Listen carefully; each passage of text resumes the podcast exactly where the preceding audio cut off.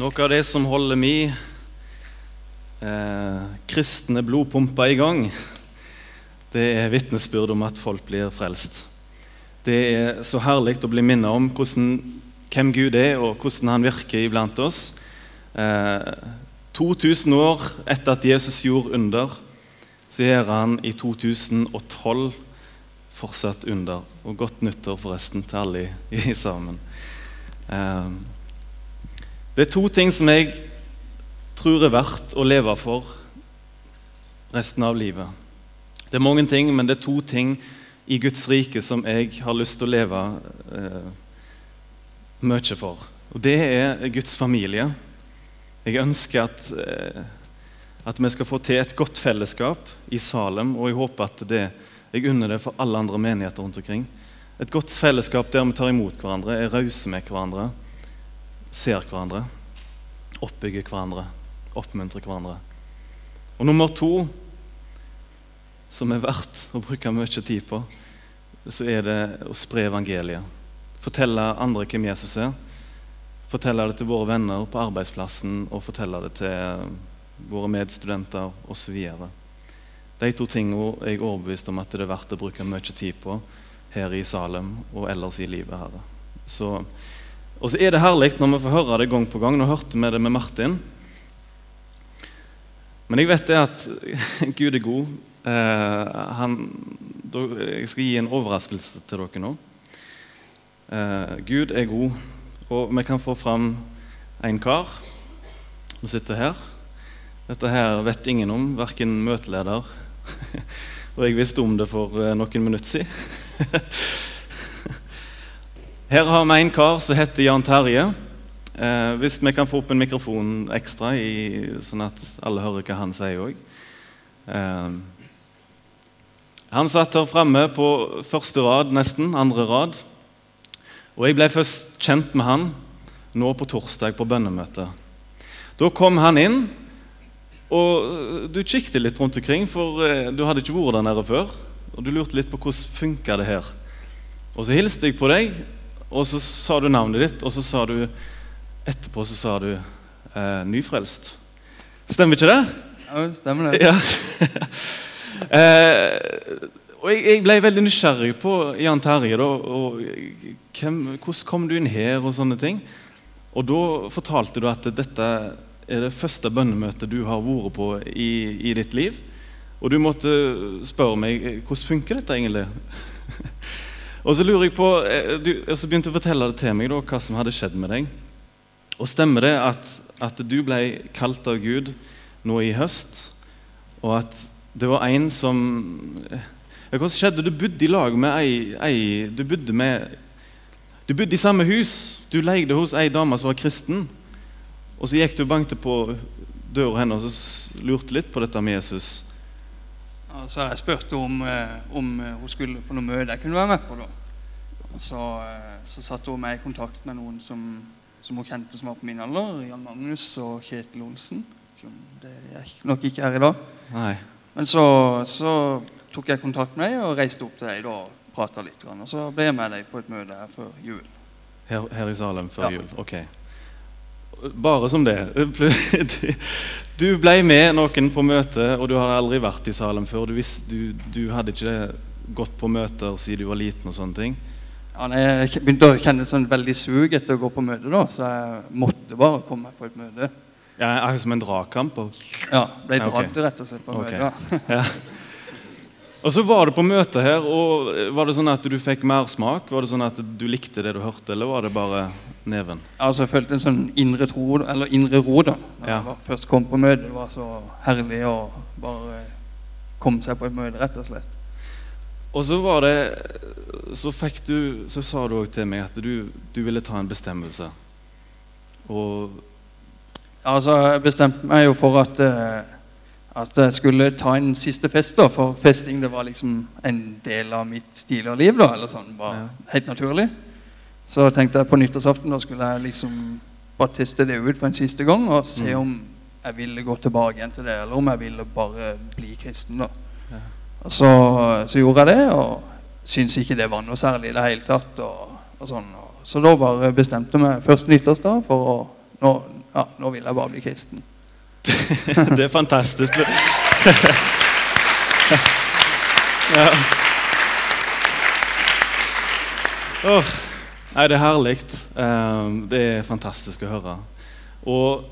En, men jeg la merke til også når du fortalte at dette her var faktisk ikke bare ut ifra det blå, fordi du fortalte også at det, det var ei alfagruppe, et eller annet sånn bibelgruppegreier, som hadde hva de hadde gjort for noe i mange år. Altså, eh, Min tante hun ble frelst for åtte år siden.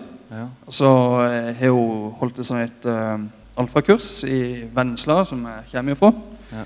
Og så, uh, så spurte hun om jeg ville være med på det, og så var jeg med på det og gjennomførte det. Det er fire år siden. eller sånn.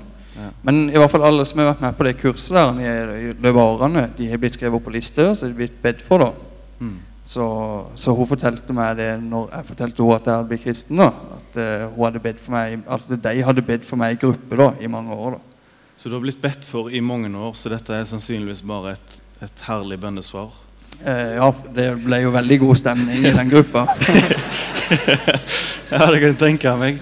Um, nei, men jeg ble veldig rørt når jeg, når jeg traff deg på bønnemøtet og var med og ba i lag med deg på det bønnemøtet. og Det er så inspirerende å se hva Gud gjør. Og du er, du er rett og slett en Du er skikkelig fersk, rett og slett. Jeg kan se på datoen nå at det er sju. Du har vært kristen i sju dager. så det, det, det er herlig. Um, jeg har lyst til å gi deg den, den uh, beste gaven vi som fellesskap kan gi deg, og, og be for deg. Jeg syns det er så modig gjort at du blir overtalt av meg ti minutter før møtet begynner at vi har lyst til å bli bedt for. Så kommer du fram, du deler vitnesbyrdet ditt. Du, det har skjedd noe med deg. det er bare helt utrolig. Gud er god, og vi har lyst til å be for deg nå. og Jeg tror vi bare reiser oss. og Eh, så kan forbedrere komme fram. Eh, er det noe mer du vil tilføye før vi gir deg den gode gaven og ber for deg? Nei, du, du, du vil ha bønn. Det skal Ja, dere kan og be, og så ja, kan dere få mikrofonen. Så løfter vi Jan Terje fram. Kjære himmelske Far. Takk at du er god Takk at du har bøyd deg ned til jorda og frelst Jan Terje. Takk at du har hørt på de bønnene som tanta og den alfagruppa har bedt. Takk at du endelig besvarte deres bønner og kalte Jan Terje og lot han gå ifra mørket og inn i ditt underfulle lys. Takk, Jesus, at du er mektig. Takk at du virker mer enn vi aner. Takk at eh, du kalte på Jan Terje sånn at han måtte bare legge seg ned for deg og ta imot deg og ta et nytt standpunkt for livet. Takk at det skjedde på nyttårsaften, den første nyttårsdag, at du, du overvant han. Og Jeg ber om at du må fylle han med Den hellige ånd. Fyll han med din ånd, Jesus, og la han få kjenne gleden over ditt barn. Takk at vi får høre sånne historier i Salem. Velsign og vær god imot Jan Terje. Og hjelp han nå med de første nye stegene han skal ta som en kristen. Hjelp flokken i Salem å ta imot Jan Terje på en fin måte. Vi har fått en ny bror, vi har fått et nytt familiemedlem. Og hjelp oss å se det ansvaret og ta vare på hverandre. Takk at du gjør sånne ting. Og jeg ber for hans eh, studier, jeg ber for hverdagen hans, at det må gå bra. At de som er rundt han må få se at du er god, Jesus, og at han får kjenne på en trygghet i møte med andre mennesker.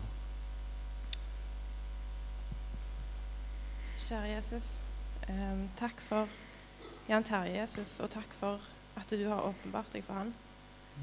Takk for den frimodigheten du har lagt i han, at han tør å stå her og dele det som har skjedd med han, Jesus. Takk for at han fikk frimodighet til å komme her på møte og på bønnemøte. Jeg vil takke deg for at du har vist deg for han og jeg ber om at han må bli bedre kjent med deg. Jeg ber om at han gjennom Salem her kan bli tatt godt imot, og at vi sammen som en familie Jesus kan, eh, kan være støttespillere for hverandre. Jeg ber at Jan Ternie må få kjenne hva din plan er for han. Jeg ber om at han kan bli kjent med bli kjent med deg, Jesus, og den plassen han har i, i ditt himmelrike, Jesus. Så ber jeg for Salem at vi må få ta godt imot, ta godt imot den nye broren som vi har i ditt navn, Jesus. Og jeg ber òg om at dette må være eh, en oppmuntring til oss. At vi har med en levende Gud å gjøre, Jesus.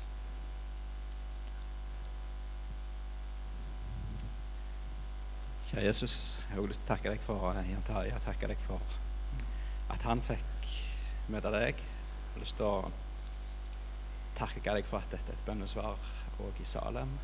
Jeg har lyst til å takke deg for um, han er her nå. Jeg har lyst til å be om at uh, vi må få ta imot han på en god måte. At han må finne seg til rette her. Og i din familie, kjære Jesus. Jeg har lyst til å be for hver dag for han og gjennom.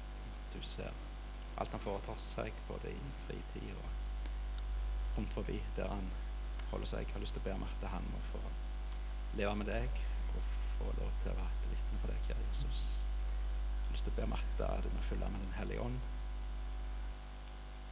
I Jesu navn. Amen. Jan Terje, folkens, ta imot han som en bror i Herren. Vi gir han en god applaus. Takk skal du ha.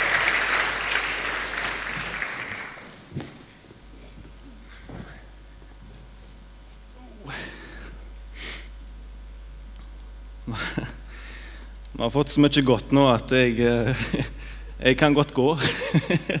Jeg har fått, jeg har fått mitt. Eh, nei, men vi skal dele litt om i Guds ord. Eh, og jeg må bare si før jeg går videre Det var, det var vågalt gjort av deg, Jan Terje. Gud velsigne deg. Og eh, håper du finner deg godt til rette her i Salem og veien videre. Så snakkes vi etterpå. eh, nei, jeg, jeg eh, Helt siden jeg ble kristen sjøl som 18-åring, eh, og Gud har vist meg evangeliet Det tok litt tid. Før, det tok tre år før, før Gud begynte virkelig å, å, vise meg ting i Bibelen. Eh, for Jeg ville være en kristen, men jeg, jeg ville ikke ha alt mulig eh, attpåtil. Jeg ville bare til himmelen og få tilgivelse. Men så har Gud vist meg så mange ting. Han har, han har vist meg at han har en plan for meg. Og, og så skal jeg få lov til å være med og gi Jesus videre. Det er et stort privilegium. En stor gave vi får som kristne, at vi skal få lov å dele det videre til andre. Eh, og jeg, I dag i talen så skal jeg nettopp snakke om dette her. Jeg skal ikke bruke så lang tid på det, men jeg har lyst til å snakke litt om at Jesus har rom for alle. Det slår meg gang etter gang hvordan Jesus klarer oss å nå inn til de som vi tror er umulige. Når folk ba for meg eh, Jeg hadde ei bønnegruppe på Lundanes når jeg gikk der sjøl. Når folk ba for meg i bønnegruppa der, så sa de til hverandre at ja, vi kan godt be for Arnt Magne, men eh, lykke til. Det, det var, jeg var et umulig prosjekt. Men Gud, for han er ingenting umulig. Og det er jeg glad for. Derfor står jeg her i dag. For, for Gud er alt mulig. Og så håper jeg, Dette var en fantastisk fin start på året 2012, syns dere ikke det? Få høre hvordan Gud virker i mennesker, få høre at han frelser mennesker. Få høre om Martin, få høre om deg, Jan Terje. Og så viser det oss litt grann, Jeg håper det, og jeg tror at Gud nå har gitt oss et lite glimt av hvor standarden skal ligge. Det er dette vi skal leve for, og det er dette vi skal ha som hverdagskost, håper jeg. Og Jeg vil be om det nå, før jeg går videre i andakten. Takk, Jesus, for alt du gjør. Takk for korset. Takk at du holder dine løfter. Du ser nå vi er midt i eh, nyttår har akkurat vært, og mange har kanskje lagd nyttårsløfter. Eh, og sånn som Ingebrett delte med oss på bønnemøtet i dag, så holder du dine løfter. Der vi bryter løfter og ikke klarer å holde løfter, så holder du ditt ord. Det, du, det som står i ditt ord i Bibelen, det holder du faktisk. Og det viser at det holder 2000 år etter at du sa det. Og Jeg ber om at Salem nå må bli åpen for å ta imot enda flere Jesus. Jeg ber om at vi må være gode imot hverandre. At vi bruker tid på hverandre og er kjærlige mot hverandre. Og at vi deler trua på deg med nye mennesker som ennå ikke kjenner deg, Jesus. Amen. Vi kan få opp et lite bilde. Har du tenkt over Noas ark? Det har jeg tenkt på i dag. Har du tenkt på kanskje hvor Noas ark er den dag i dag? Jeg har sett en tre timer lang dokumentar om Noas ark. Og De mener at dette her er Ararat-fjellet i nærheten i Tyrkia. Og Noas ark eh, ser dere, eller dere ser konjunkturen av en båt nede til høyre. Og, ser, og de som har forska på den båten der Det er ikke mange som vet om dette her i dagens media, for det blir holdt nede. Men de har målt på den båten der, og det viser at det er akkurat den samme størrelsen som Bibelen forteller. Og hvis dere faktisk ser i, til høyre på båten der, akkurat som med baugen, eller hva man skal si, til høyre nede, så er det et lite sånn akkurat blitt ødelagt at det, det, det står en, en, eh, akkurat som et fjell midt i båten der, og så er det litt ødelagt. Det er fordi at for noen tusen år tilbake så var den båten ikke der. Eller den figuren var ikke der. Han var lenger oppe på fjellet. Men en vulkan drog han ned, og så drog han han borti et fjell, sånn at han fikk en skade der. Så det er derfor den er litt ødelagt på sida. Men de har tatt målinger. Det, det, det finnes metallplugger eller metallbolter gjennom hele båten, akkurat som vist i, i Bibelen. Det er sannsynligvis Noas ark. Det er jeg 90% sikker på. Alle som har Etter jeg så den videoen, så er jeg ikke i tvil om det. Vi kan ta et annet bilde som viser eh, Her ser dere det fra en annen vinkel. Eh, ovenifra. Eh, så, så det er litt stilig.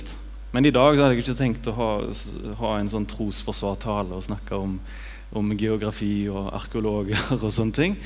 Men det er litt stilig at det, det fins sånne ting. Det fins spor etter hva Gud har gjort. Og, og vannflommen og Noas ark er jo en ganske heavy ting.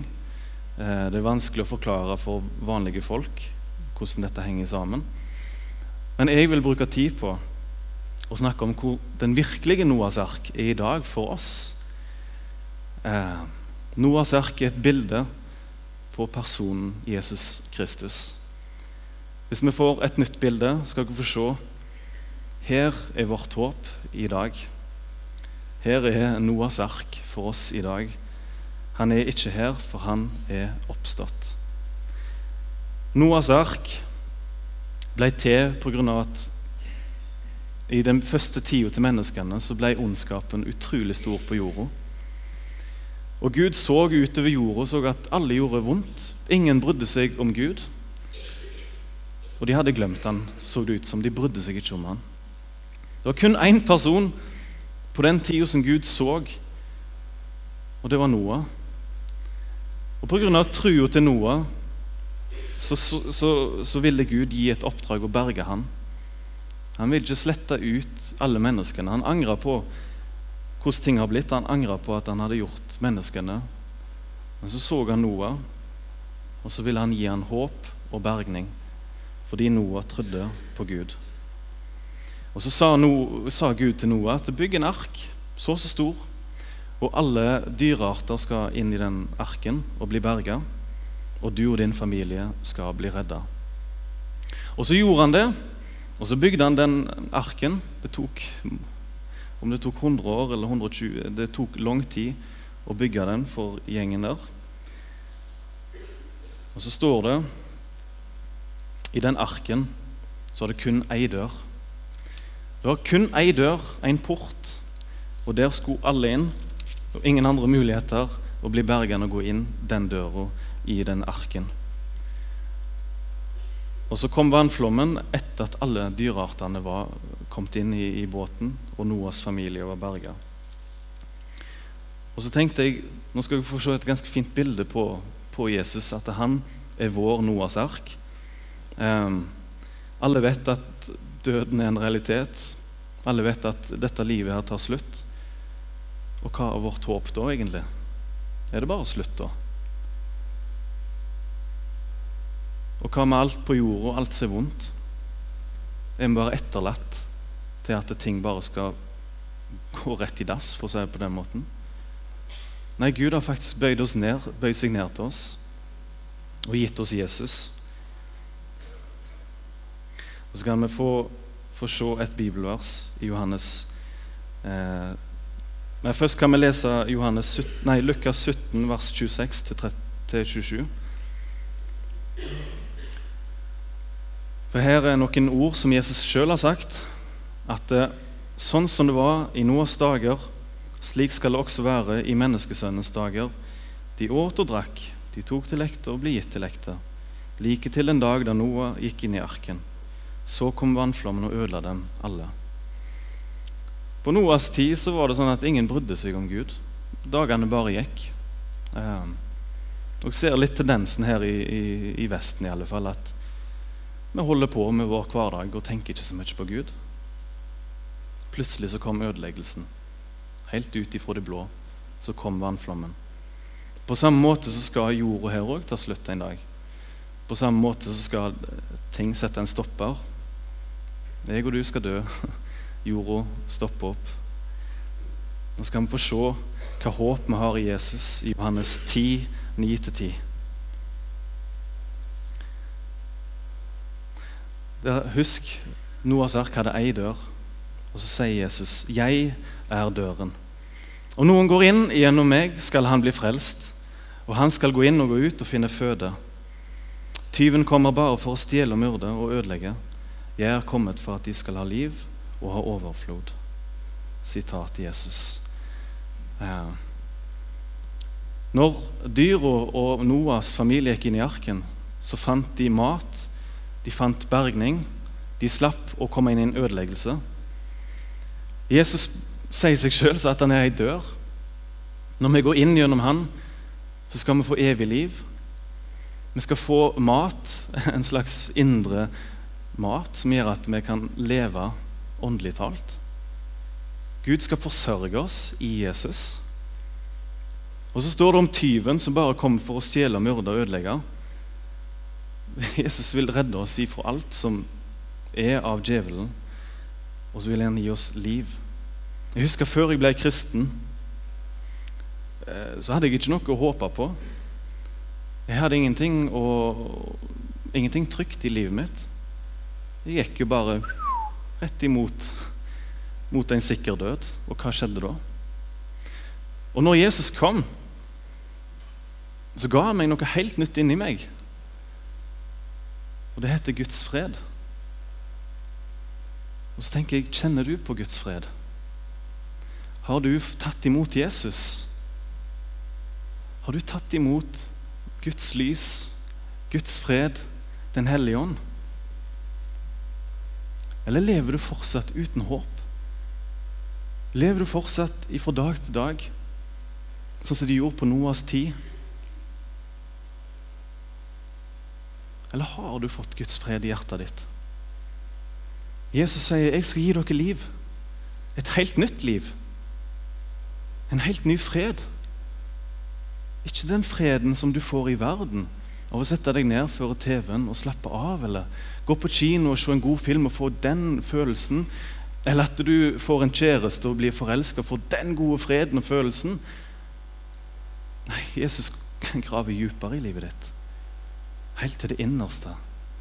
Der vil han gi deg nytt liv. Han vil bo sjøl i deg. Det er vårt håp. Og Så sier han, 'Gå inn til meg'. Han sier det til alle mennesker. og bare hør. Nå skal dere få et lite et vers som forteller at Noah fikk beskjed om at gå inn i arken til alle dyra'. Gud og Noah hadde et sånt lite samarbeid om å få inn alle dyra. Og hva er vårt samarbeid nå med Gud? Det er ikke at vi skal berge dyrearter, men vi skal være med og fortelle om Jesus til andre mennesker. Og skal få høre den nye befalingen i Lukas 14, vers 15-23. Og Her er det et stort her er det Jesus bruker et bilde. En konge som skal invitere til, til fest. Og så vil han invitere folk til denne festen. På samme måte som Jesus i dag inviterer oss til himmelen. At vi skal på fest i lag med han, rett og slett. Og så står det sånn Da en av dem som satt til bord sammen med han, hørte dette, sa han Salig er dem som så får sitte til bords i Guds rike. Da sa han til ham, altså Jesus, det var en mann som gjorde et stort gjestebud og innbød mange. Da tiden for gjestebudet var inne, sendte han sin tjener for å si til innbytte, Kom, for nå er det ferdig.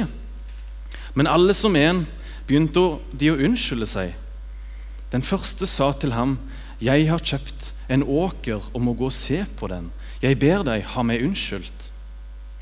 Og Legg merke til akkurat den siste setningen der. Det er en mann som sier til, akkurat som til kongen eller til tjener eller til Jesus at OK, skal vi på fest, sier du. Er det Du vil invitere meg på fest? Nja, jeg har eh, Jo, jeg har kjøpt en åker, og jeg må gå og se på den åkeren nå. Og jeg, jeg kan ikke komme. Sånn er unnskyldningen til han mannen der. Men bare for å si det sånn Har du noen gang kjøpt en bondegård uten å se på den først? Nei, det er ingen som gjør det. Det er helt teit. Eh, har du noen gang kjøpt et hus uten å gå på visning først? Nei, da må du være dum. og så kommer det en mann, faktisk, og Jesus gir han en invitasjon eller et bilde. liksom. Nå sier han at det er sorry, han finner bare på en unnskyldning. Alle, eh, de fleste, eh, Det er så typisk når Jesus gir oss en invitasjon så kan vi faktisk komme på ei løgn for å slippe å bli en kristen. Og så er det så teit, for at det er jo en god invitasjon. Det er jo en bryllups- eller en sånn festinvitasjon. Og så vil han ikke på han, og så tenker jeg hvorfor det? Det er ikke logisk. Hvis jeg blir invitert til en fest, og det er kjekt og alt sammen, og jeg liker de jeg skal på besøk til, så blir jeg glad. Så, Jeg finner ikke på en unnskyldning å lyge for å komme meg vekk. Og Det har jeg funnet ut når jeg skulle bli en kristen sjøl. Mange ganger jeg fikk anledning. Kristne venner sa til meg 'Bli med på møte', eller bli, 'Ta imot Jesus', kunne de si til meg. Og jeg fant på unnskyldning. Ikke i dag. Kanskje i morgen, sa jeg til dem, bare som for å gi dem litt. En annen dag, sa jeg, for å gi dem litt håp. At de ikke skulle bli så lei seg. og så fant jeg ut når jeg ser tilbake, at jeg var fanga av, av krefter som ikke ville at jeg skulle ta imot Jesus. Jeg kom med innvendinger gang etter gang. Jeg sa i morgen kan jeg bli en kristen. Eller jeg sa nei, nå har jeg altfor mange ikke-kristne venner som kommer til å reagere. Hvis jeg blir eldre og jeg føler meg litt mer trygg som person, så kan jeg kanskje klare å argumentere tilbake igjen at ah, Hvorfor klikker du på meg, da? Hva er det du tror på? Så jeg lærer meg kanskje litt mer, litt mer vågal. Og jeg kommer med så mange unnskyldninger. Og jeg kjenner meg sånn igjen når jeg leser dette, denne lignelsen her, at en kommer med unnskyldning som ikke er sann. Det er snakk om åndskrefter, folkens. Gang etter gang så hører jeg vitnesbyrd at folk sier det var en kamp. For og imot. Og skal vi lese videre her hvordan unnskyldningene er. En annen sa, 'Jeg har kjøpt meg fem par okser og går for å prøve dem.' 'Jeg ber deg, ha meg unnskyldt.' Og en tredje sa, 'Jeg har tatt en hustru, og derfor kan jeg ikke komme.' Da tjeneren kom tilbake, fortalte han sin herre dette. Da ble husbonden harm og sa til tjeneren.: Gå i hast ut i byens gater og streder og før inn de fattige og vannføre blinde og lamme og tjeneren sa til Herren, Herre, det er gjort som du bød, og det er ennå Vent da. Da ble husbonden harm og sa til tjeneren Unnskyld. Gå i hast ut i byens gater og stredder og før hit inn de fattige og vannføre og blinde og lamme. Og tjeneren sa, Herre, det er gjort som du bød, og det er ennå rom. Da sa Herren til tjeneren, gå ut på veiene og ved gjerdene og nød folk til å komme inn, så mitt hus kan bli fulgt. Eh, sånn sier Jesus. Gå til de narkomane. Gå til de vrange. Gå til alle sammen. Gå til de rike. Prøv der. Hvis ikke de vil ta imot Jesus, så gå til de andre. Ut på gatene. Gå rundt omkring. Ikke gi opp. For Jesus vil ha alle inntil seg. Noah fikk beskjed om at ingen, alle dyreartene skulle bli berga. Jesus sier til oss ikke ett menneske må dere overse. Ikke ett menneske må dere glemme. Og så sier eh, Ja, jeg har sjøl sett det der og funnet Jesus virke ut på gatene der jeg ikke skulle trodd at han virka. Jeg husker en gang jeg, jeg har gått ut i Haugesund, på gatene der. For Gud kalte meg til å gå ut og begynne å snakke med de som var der. Og jeg fikk møte folk Så var det en forferdelig historie. Verden hadde vært hard mot dem. Så fikk jeg høre om mennesker der ute som hadde tatt imot Jesus. Og de levde i fattigdom og mye vondt rundt dem, men Jesus var der. Og de, Det var en mann som sa til meg at jeg har til og med prøvd å bli kvitt Jesus. Men han gir seg ikke. Han vil ha meg til himmelen. Og så får vi noen tips og triks i Bibelen. For jeg og du er de som skal gå og invitere, som er kristne. Så får vi litt tips i Bibelen. F.eks. i Kolosserbrevet kapittel 4, vers 2, 5 og 6 får vi se noen ting vi skal gjøre. Vær vedholden i bønnen, så dere våker i den med takk til Gud. Hva som skjedde med, med deg, Jan Terje? Var ikke at det var noen som ba? Nettopp. Be. Gå i deres bibelgrupper og skriv opp navn på folk. Kom på bønnemøte på Salem på torsdagene og be for de som du tenker på. Hvor mange her inne kjenner et menneske, minst et menneske som ikke er kristen, som du ønsker skal ta imot Jesus? Hvor mange kjenner et menneske som, dere, som ikke kristen, som dere ønsker skal bli frelst? Og tenk på det mennesket nå. Og Jeg tror faktisk at vi ber, jeg ber altfor lite for mine ikke-kristne venner. Jeg har skrevet opp på min liste 15-16 stykk som jeg prøver av og til å be for. Men Gud må tilgi meg, for det er ikke alltid jeg husker på det. Men nå vil jeg ta faktisk ti sekunder og bare be for deg. nå gjør vi det.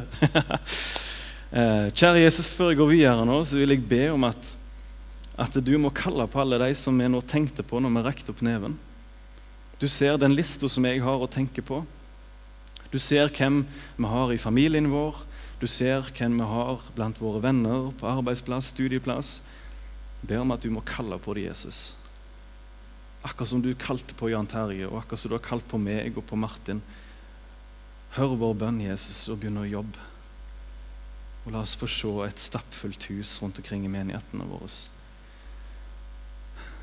Jeg ber om at du sender ut i ånda til den vi tenkte på. Amen. Ehm, et annet tips som vi får, er i vers 5. Det er 'omgås i visdom med dem som er utenfor'. Kjøp den laglige tid. Den første verset der. Det er ting nummer to Prioriter tid i lag med andre. Prioriter muligheter som du kan få. Og Er det ikke meningen å snakke mye nå til deg, Jan Terje, men det var liksom et godt eksempel. Um, tenk hvis han der uh, Jarl Magnus, eller Jan Magnus, eller hva han heter Jan. Han heter nok Jarl Magnus. Ja. Tenk hvis han hadde sagt til deg at 'jeg har ikke tid'. Da hadde ikke du sittet her.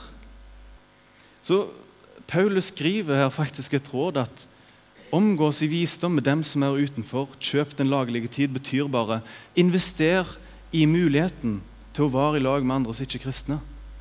Sett av tid til de som er utenfor.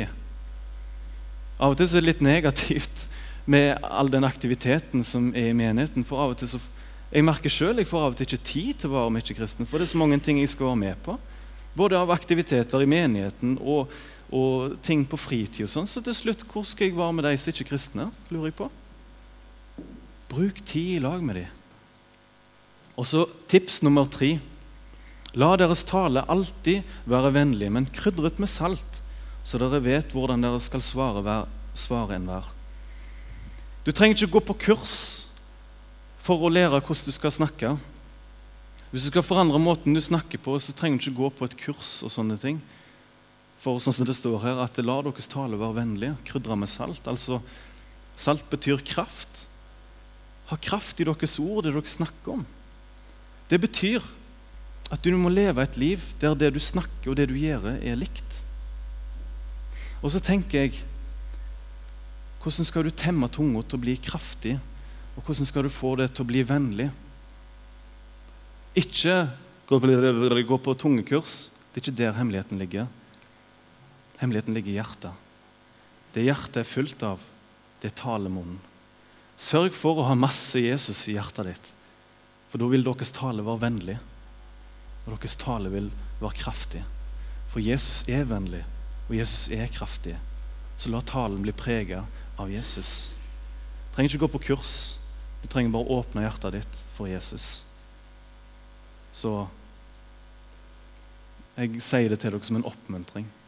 Det er ikke stress, det er bare Jesus som må til. Og Ellers så er det én ting til som jeg vil belyse. Og det er at Når vi snakker om Jesus og går inn i døra, så er det mange som vil argumentere og si at ja, men eh, kan det ikke være litt eh, En, en definerer sjøl Jesus ut ifra hva som er behagelig sjøl. Det har jeg merka. I mange år har jeg gått og kriga med hvor mye skal Jesus få bestemme, hvor mye skal han få bestemme med mitt liv. Nå skal dere få se hvordan Jesus definerer denne døra å gå inn til himmelens rike, gå inn og bli en kristen. I Lukas 16, 24-25. Nei, det er feil. Da skal jeg heller lese her, for det stemte ikke. Da har jeg gitt feil. Um, ikke fortvil. Jeg har det her. um, sånn, ja. Det sto i Lukas 13, 24-25. Kjemp for å komme inn gjennom den trange port. For jeg sier dere, mange skal søke å komme inn, men ikke være i stand til det. Når først husets herre har reist seg og stengt døren, og dere blir stående utenfor og banke på døren og si, Herre, Herre, lykk opp for oss, da skal han svare og si til dere, jeg kjenner, ikke, jeg kjenner dere ikke, hvor er dere fra? Um, Jesus kaller seg sjøl for den trange port. Ikke for ei vidåpen gate, men den trange port. Har du noen gang gått gjennom den trange port? Hvis du er en kristen, så er jo du gått gjennom den trange port. Men har du virkelig gått gjennom den trange port sånn som den egentlig er? på skikkelig? For det er en fysisk dør som dette er blitt brukt på, en trangport. Um, jeg har vært i Israel og sett på hvordan en trangport ser ut. Det er først ei vanlig dør, og i den vanlige døra så er det en liten, en liten dør. Bitte liten. Vet du hvorfor den ble lagd? For hvis det kom fiender og brøt seg inn, så er den Hvis vi ble angrepet i huset eller porten, eller hva det var, så skulle den døra der Istedenfor at de skulle meie den døra ned, og den, at den skulle bli knust, så hadde de ei bitte lita dør. Og Den kunne de åpne, sånn at hvis krigerne kom inn, så måtte, kunne de ikke bare storme inn i porten, men de måtte faktisk ah, 'Her er en trang port.' Ja, 'Holder du sverdet mitt, så går jeg gjennom.' Oi, sånn. Og så kom de inn, og så, og så ble de kanskje drept når de kom inn. Så altså, hvis du skal inn i en trang port, kjemp for å komme inn gjennom den trange porten, så nytter det ikke å springe rak. Dette er easy. Dette er lett. Du må faktisk Oi, inn sånn, ikke sant? Og så, å, du må bøye deg ned. Fatter du? Jeg tror ikke jeg trenger å ja um, det betyr at skal du bli en kristen, så må du legge ned alt av stridsvåpen, og eh, du må legge det vekk. Legg ifra deg spyd og legg ifra deg eh, alt som er kvast. Og du må faktisk bøye deg ned. Det betyr at du må legge ned kampen og bøye deg for Jesus. Betyr det. Mange vil søke å komme inn under porten, men få vil klare det. For de vil ikke bøye seg for Jesus. De vil ha en egen port som er så så stor, for da kan jeg gå akkurat som jeg vil. Men du må faktisk bøye deg for å komme inn i himmelens rike. Og så vil jeg lese et fint vers for dere alle sammen. For på denne måten her setter Gud ei åpen dør for meg og deg. Jeg vet om dine gjerninger. Gud vet om ditt liv. Gud vet om alt ifra ytterst til innerst. Og så sier han, se, jeg har sett foran deg en åpnet dør, og ingen kan lukke den igjen. For du har liten styrke og har holdt fast på mitt ord og ikke fornektet mitt navn. Hvis jeg siterer Johannes 3, 16, for så høyt har Gud elsket verden, at han ga seg selv sendte, For så høyt har Gud elsket verden, at han sendte sin sønn den enbårne, for at hver den som tror på ham, ikke skal gå fortapt, men ha evig liv. Hvis du vil ta imot de ordene der og holde fast på det i ditt liv, at ja, jeg vil tro på Jesus Du kjenner deg kanskje liten og svak, men det er bare bra for at du skal bøye deg for Jesus. Det skal ikke være så mye i deg som gjør at du får til å bli en kristen. Du skal bare bøye deg for ham. Og så handler det om at du ikke skal fornekte Jesus, men Jesus skal tilhøre deg, eller du tilhører Jesus, og du holder deg til hans navn. Hvis dette her gjelder for deg, så er du en, forhåpentligvis en kristen. Hvis du med hjertet kan si at jeg, jeg vil bekjenne Jesu navn, jeg vil holde fast på ditt ord, og jeg er liten, ja, men jeg vil bøye meg for deg. Og så tenker jeg Unnskyldninger, unnskyldninger. ikke sant? Dere hørte akkurat når jeg gikk gjennom unnskyldningene. I morgen, ikke nå. En annen dag. Og så tenker jeg, når, når Jesus beskriver, eller når Bibelen beskriver hva tid du kan ta imot ham, så sier han i dag er nådens dag. Han sier aldri om ei stund når du er mjuk nå, passelig og sånne ting. Ja, da kan vi prøve. Han sier i dag er nådens tid. I dag skal jeg hjelpe deg. Og så er vi en familie her som vil ta imot deg. Og hvis det sitter noen her nå, så vet vi seg sjøl Jesus, jeg har ikke gått gjennom den porten som heter Jesus. Jeg har ikke bøyd meg for han. Jeg holder ikke fast på hans ord. Men hvis det er noe i dette du har hørt i dag, hvis det er noe av det vitnesbyrdet til Jan Terje eller til Martin, eller det jeg har prøvd å fortalt ifra scenen her, med ei åpen dør. Hvis det er noe av det du vil ta imot, at du vil holde fast på Jesus, så kan du få ta imot han her i dag. Du kan få bli et Guds barn. Jesus kan flytte inn i ditt hjerte og tenne et lys der inne. Og det som var ødelagt og gått i sunt, kan han hjelpe og gjøre noe med. Han vil gi deg håp og vil gi deg evig liv. Sånn at den dagen du legges ned i grava, så er ikke det slutt. Han vil føre deg inn i himmelen, og du vil bli et Guds barn. I dag Hvem av dere vil ta imot Jesus i dag? Enten du vil komme tilbake til han, eller du tar imot han for første gang.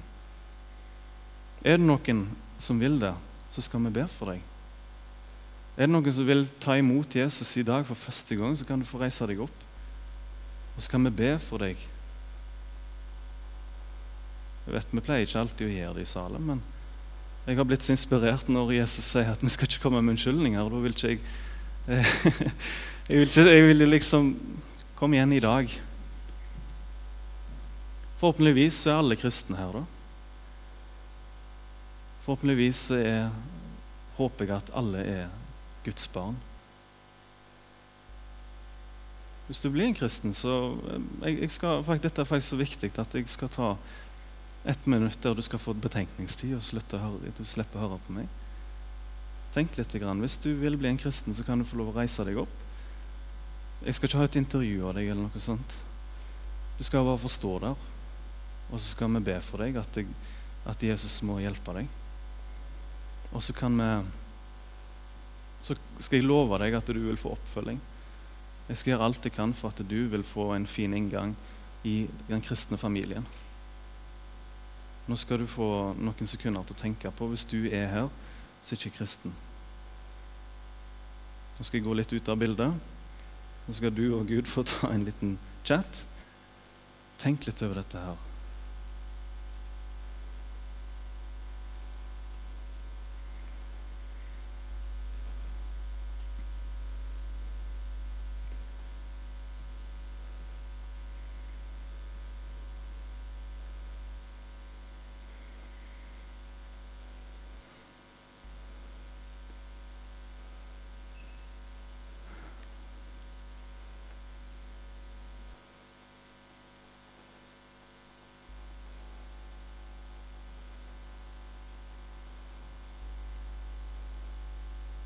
Når som helst så kan du reise deg og bli stående.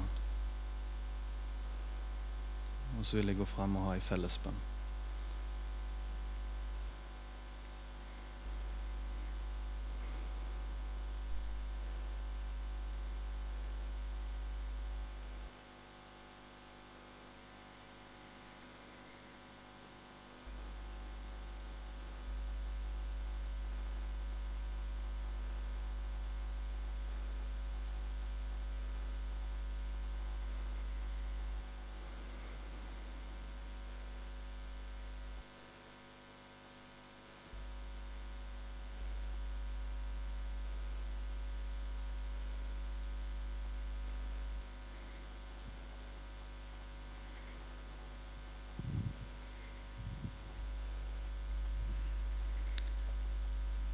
Da ser jeg ingen med mine øyne som har reist seg. Hvis ikke så må du rope og gi beskjed. Nå håper jeg og tror at de fleste her er Guds barn. Det vil i tilfelle være en stor glede. Nå skal jeg be litt. Grann.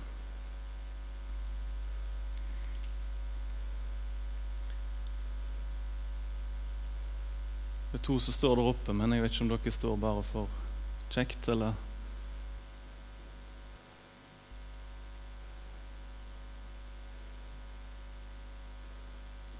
Har dere stått av det jeg sa, eller? Ble bare gira? ja. ja, flott.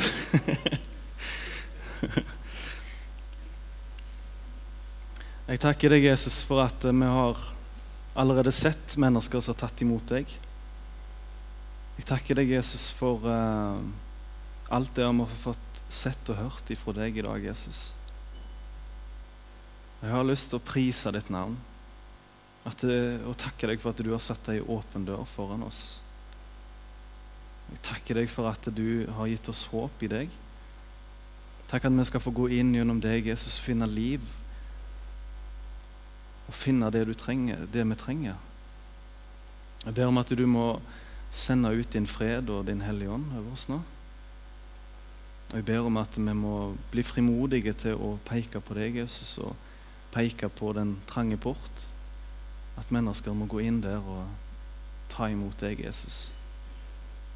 Jeg ber for 2012 at vi må høre mange nye vitnesbyrd. Jeg ber om at mange må ta imot deg, og at Salem får bli en del av det Jesus din plan og gjør noe i distriktet i Rogaland og her i Norge. Velsign hver og en som er kommet, og la de få gå herifra inspirerte. og Ber for nattverden og etterpå at vi får ta del i din nåde på en sånn fin måte, Herre.